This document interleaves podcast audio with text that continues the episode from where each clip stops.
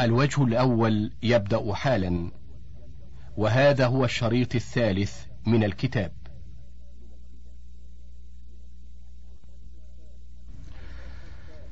الفصل الثالث الخبر المردود. المبحث الأول الضعيف المبحث الثاني المردود بسبب سقط من الإسناد. المبحث الثالث المردود بسبب طعن في الراوي. الخبر المردود وأسباب الخبر المردود وأسباب رده. صفحة اثنتين وستين. واحد تعريفه. هو الذي لم يترجح صدق المخبر به. وذلك بفقد شرط أو أكثر من شروط القبول التي مرت بنا في بحث الصحيح. اثنان أقسامه وأسباب رده.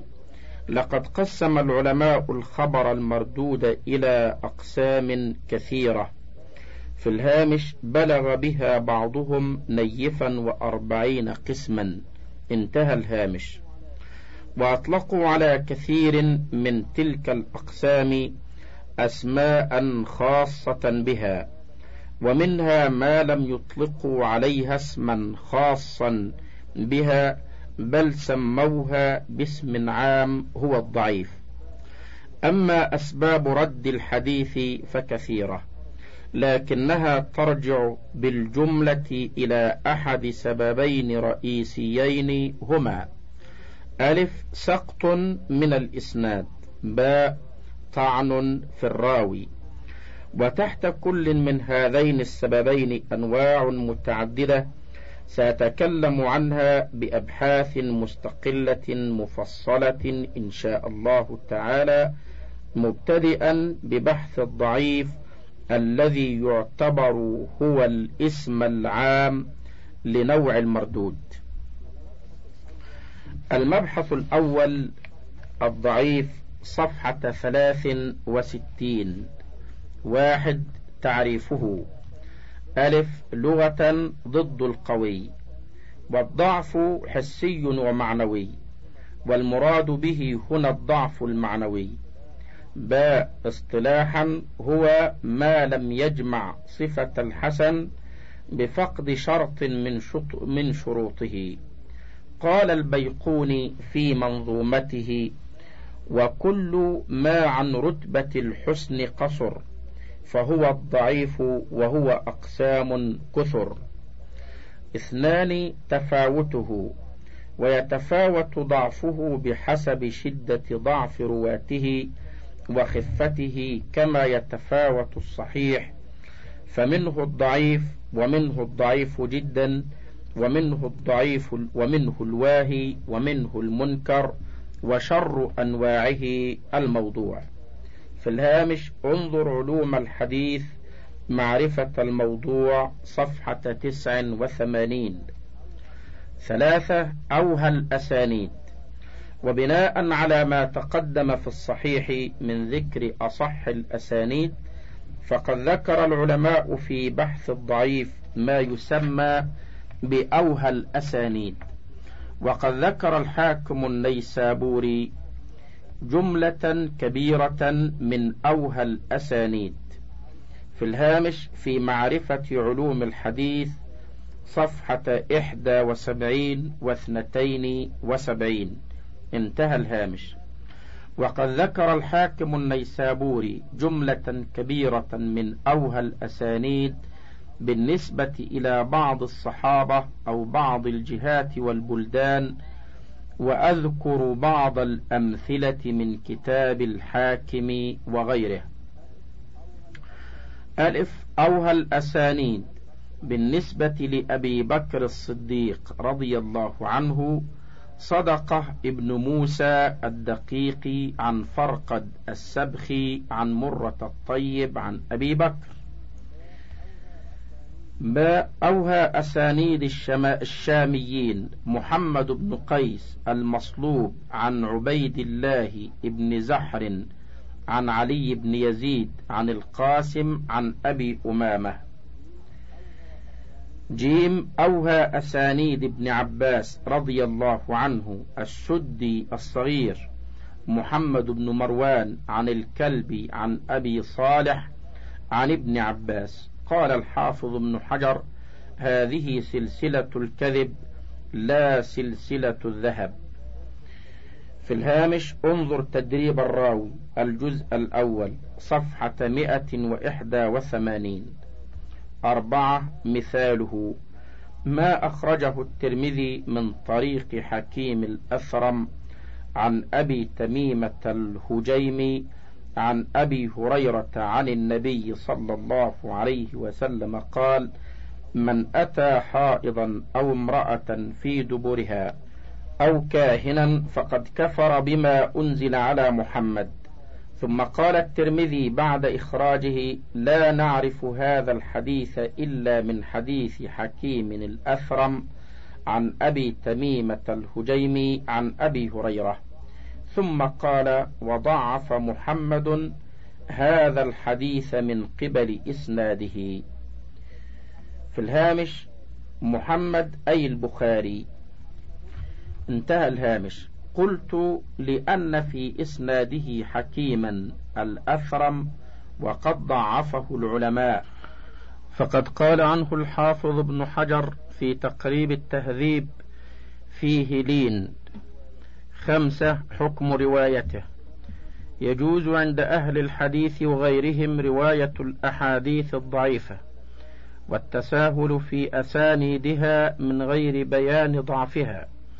بخلاف الأحاديث الموضوعة فإنه لا يجوز روايتها إلا مع بيان وضعها بشرطين. ألف ألا تتعلق بالعقائد كصفات الله تعالى. باء ألا تكون في بيان الأحكام الشرعية مما يتعلق بالحلال والحرام. يعني يجوز روايتها في مثل المواعظ والترغيب والترهيب والقصص وما أشبه ذلك. وممن روي عنه التساهل في روايتها سفيان الثوري وعبد الرحمن بن مهدي وأحمد بن حنبل. في الهامش انظر علوم الحديث صفحة ثلاث وتسعين والكفاية صفحة مئة وثلاث وثلاثين ومئة وأربع وثلاثين. باب التشدد في أحاديث الأحكام والتجوز في فضائل الأعمال. انتهى الهامش. وينبغي التنبه إلى أنك إذا رويتها من غير إسناد فلا تقل فيها قال رسول الله صلى الله عليه وسلم كذا.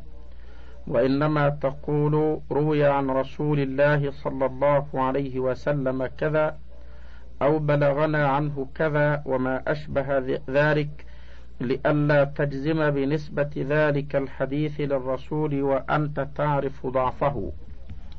ستة حكم العمل به. اختلف العلماء في العمل بالحديث الضعيف. والذي عليه جمهور العلماء أنه يستحب العمل به في فضائل الأعمال لكن بشروط ثلاثة. أوضحها الحافظ ابن حجر وهي ألف أن يكون الضعف غير شديد.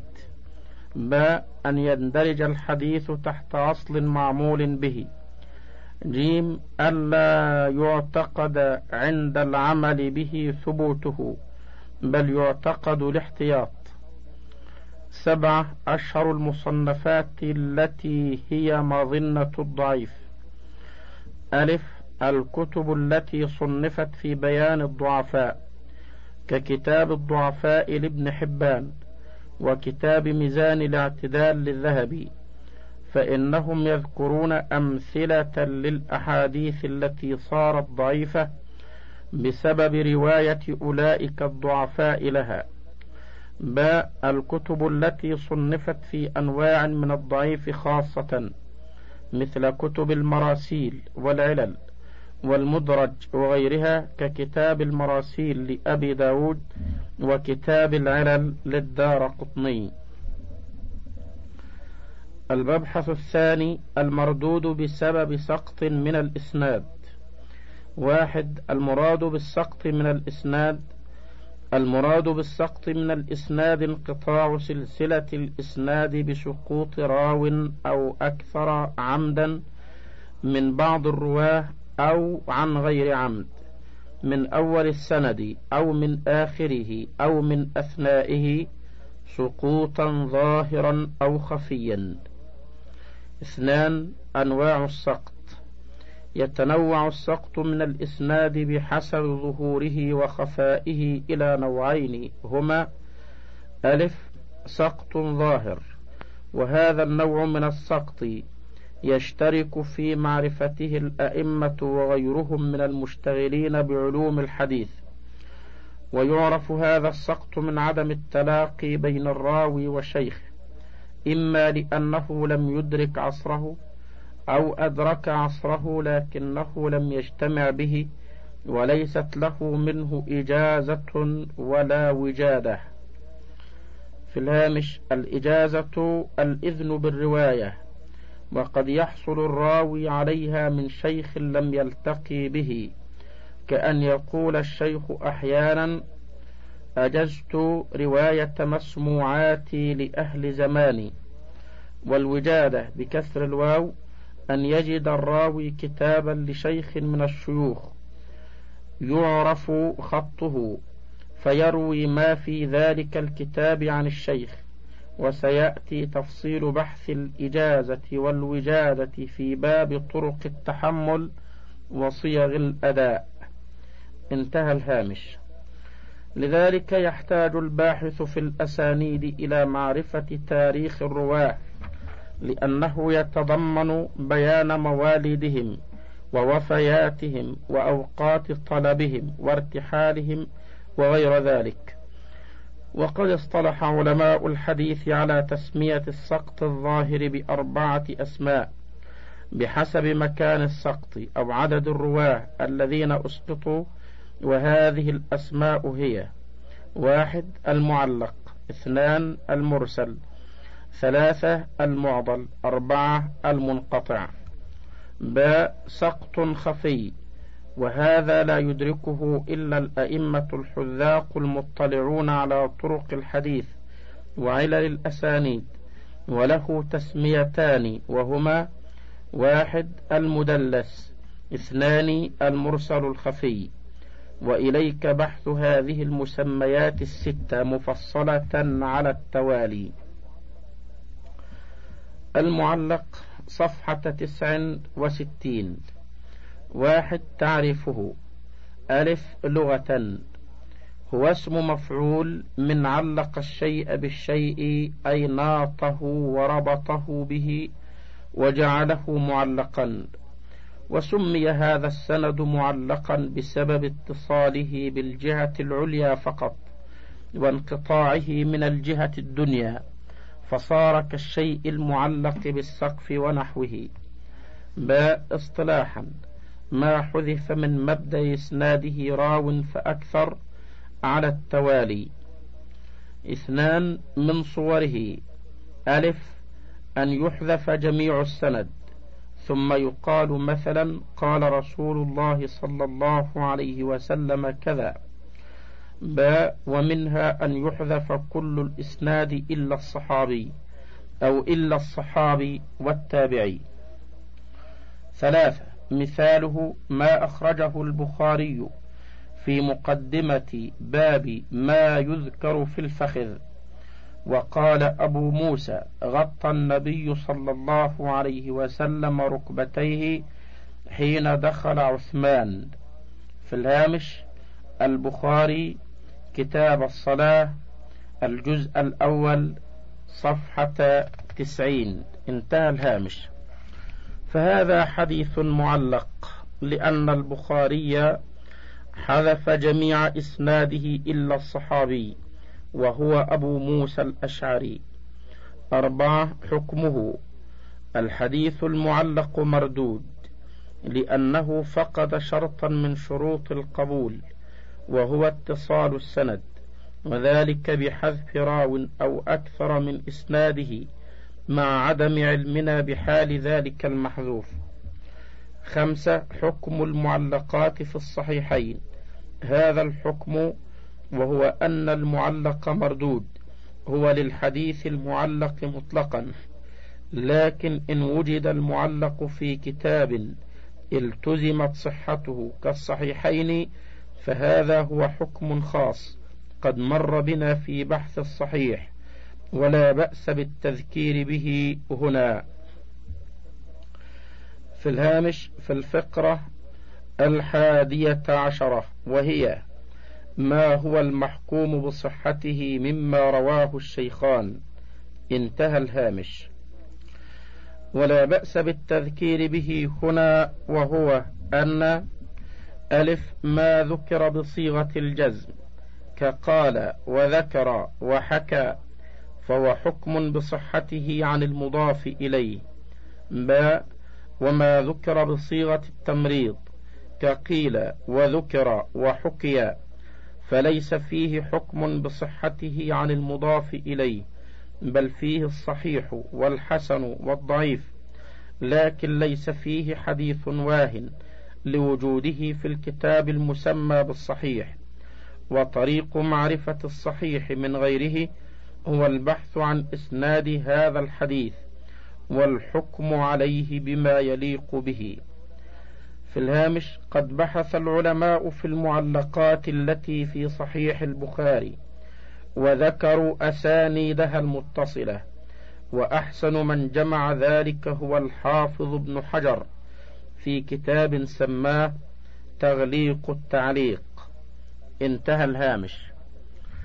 المرسل صفحة إحدى وسبعين. واحد تعريفه ألف لغة هو اسم مفعول من أرسل بمعنى أطلق فكأن المرسل أطلق الإسناد ولم يقيده براو معروف. باء اصطلاحا. هو ما سقط من آخر إسناده من بعد التابعي. في الهامش نزهة النظر صفحة ثلاث وأربعين. والتابعي هو من لقي الصحابي مسلما ومات على الإسلام. انتهى الهامش. اثنان صورته. وصورته أن يقول التابعي سواء كان صغيرا أو كبيرا قال رسول الله صلى الله عليه وسلم كذا أو فعل كذا أو فعل بحضرته كذا وهذه صورة المرسل عند المحدثين. ثلاثة مثاله ما أخرجه مسلم في صحيحه في كتاب البيوع قال حدثني محمد بن رافع ثنى حجين ثنى الليث عن عقيل عن ابن شهاب عن سعيد بن المسيب أن رسول الله صلى الله عليه وسلم نهى عن المزابنة. فسعيد بن المسيب تابعي كبير. روى هذا الحديث عن النبي صلى الله عليه وسلم بدون أن يذكر الواسطة بينه وبين النبي صلى الله عليه وسلم. فقد أسقط من إسناد هذا الحديث آخره وهو من بعد التابعي.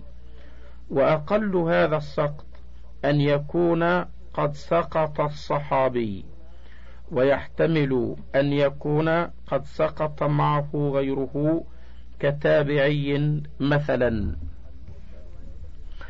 أربعة المرسل عند الفقهاء والأصوليين. ما ذكرته من صورة المرسل هو المرسل عند المحدثين. أما المرسل عند الفقهاء والأصوليين فأعم من ذلك فعندهم أن كل منقطع مرسل. على أي وجه كان انقطاعه وهذا مذهب الخطيب أيضا. خمسة حكمه. المرسل في الأصل ضعيف مردود.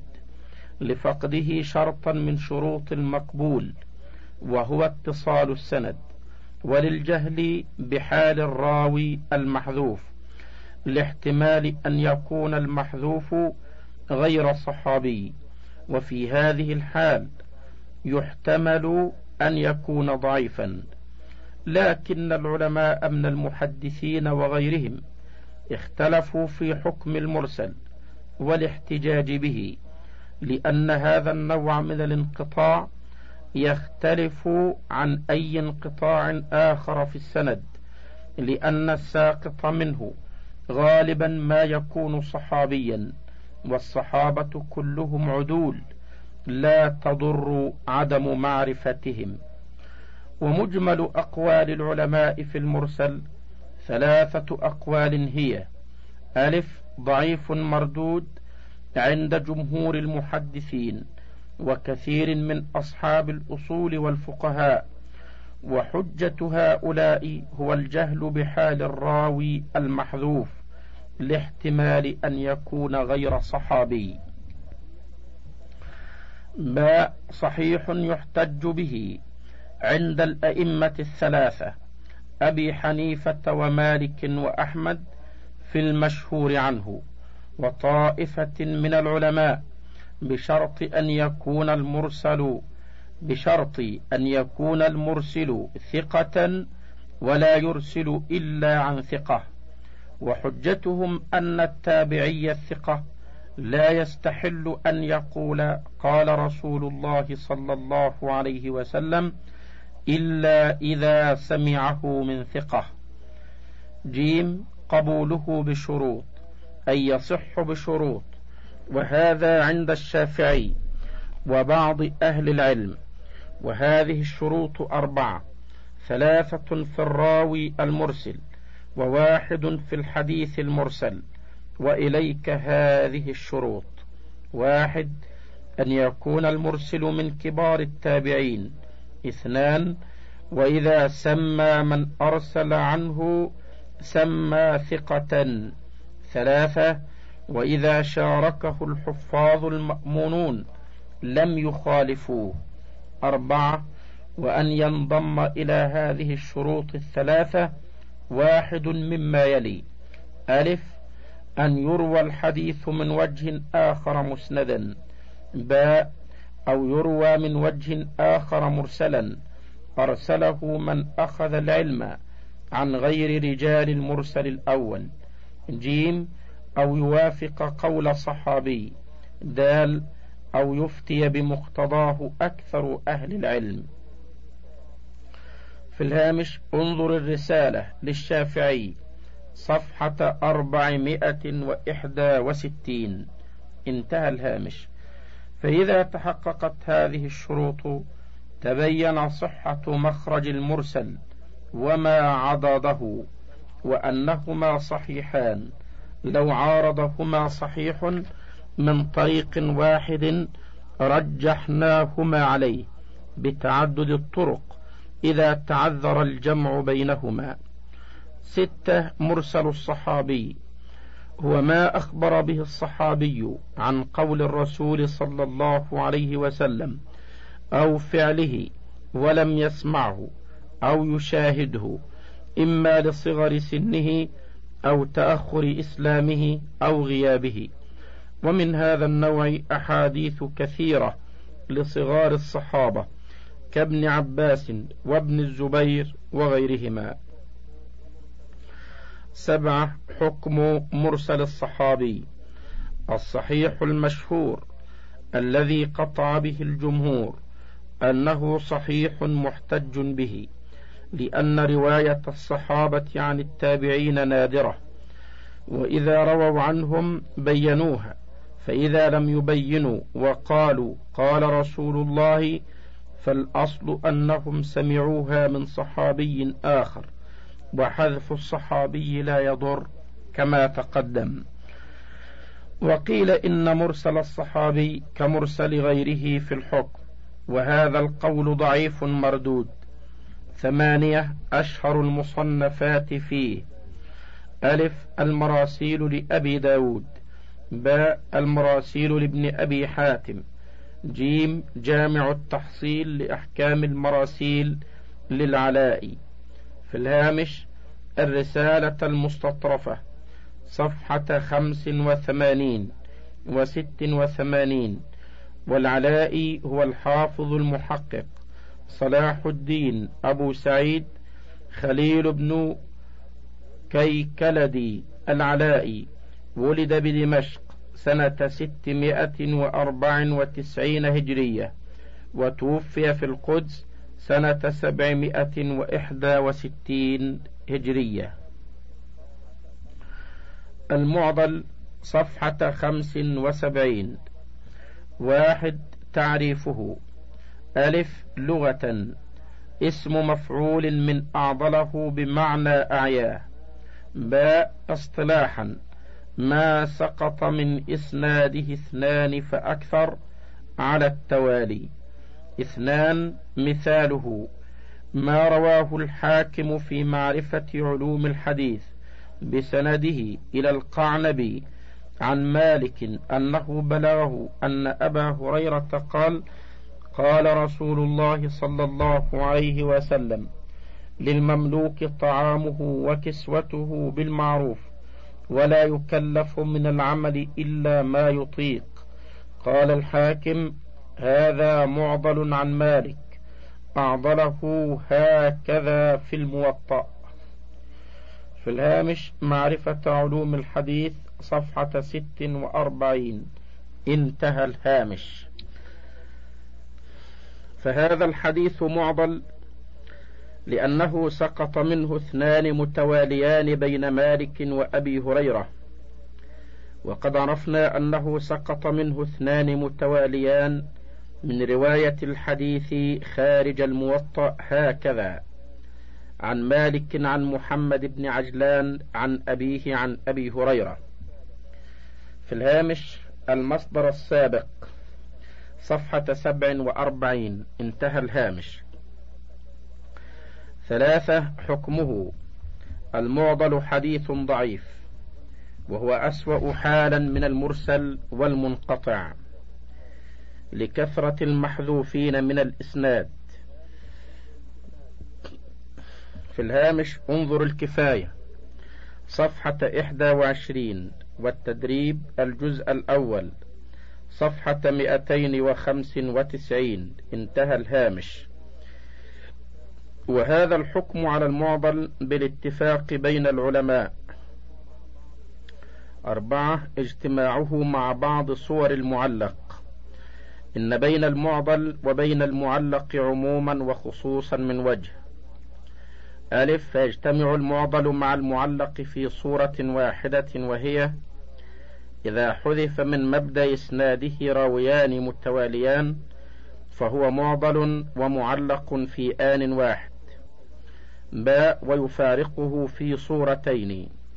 واحد إذا حذف من وسط الإسناد راويان متواليان فهو معضل وليس بمعلق.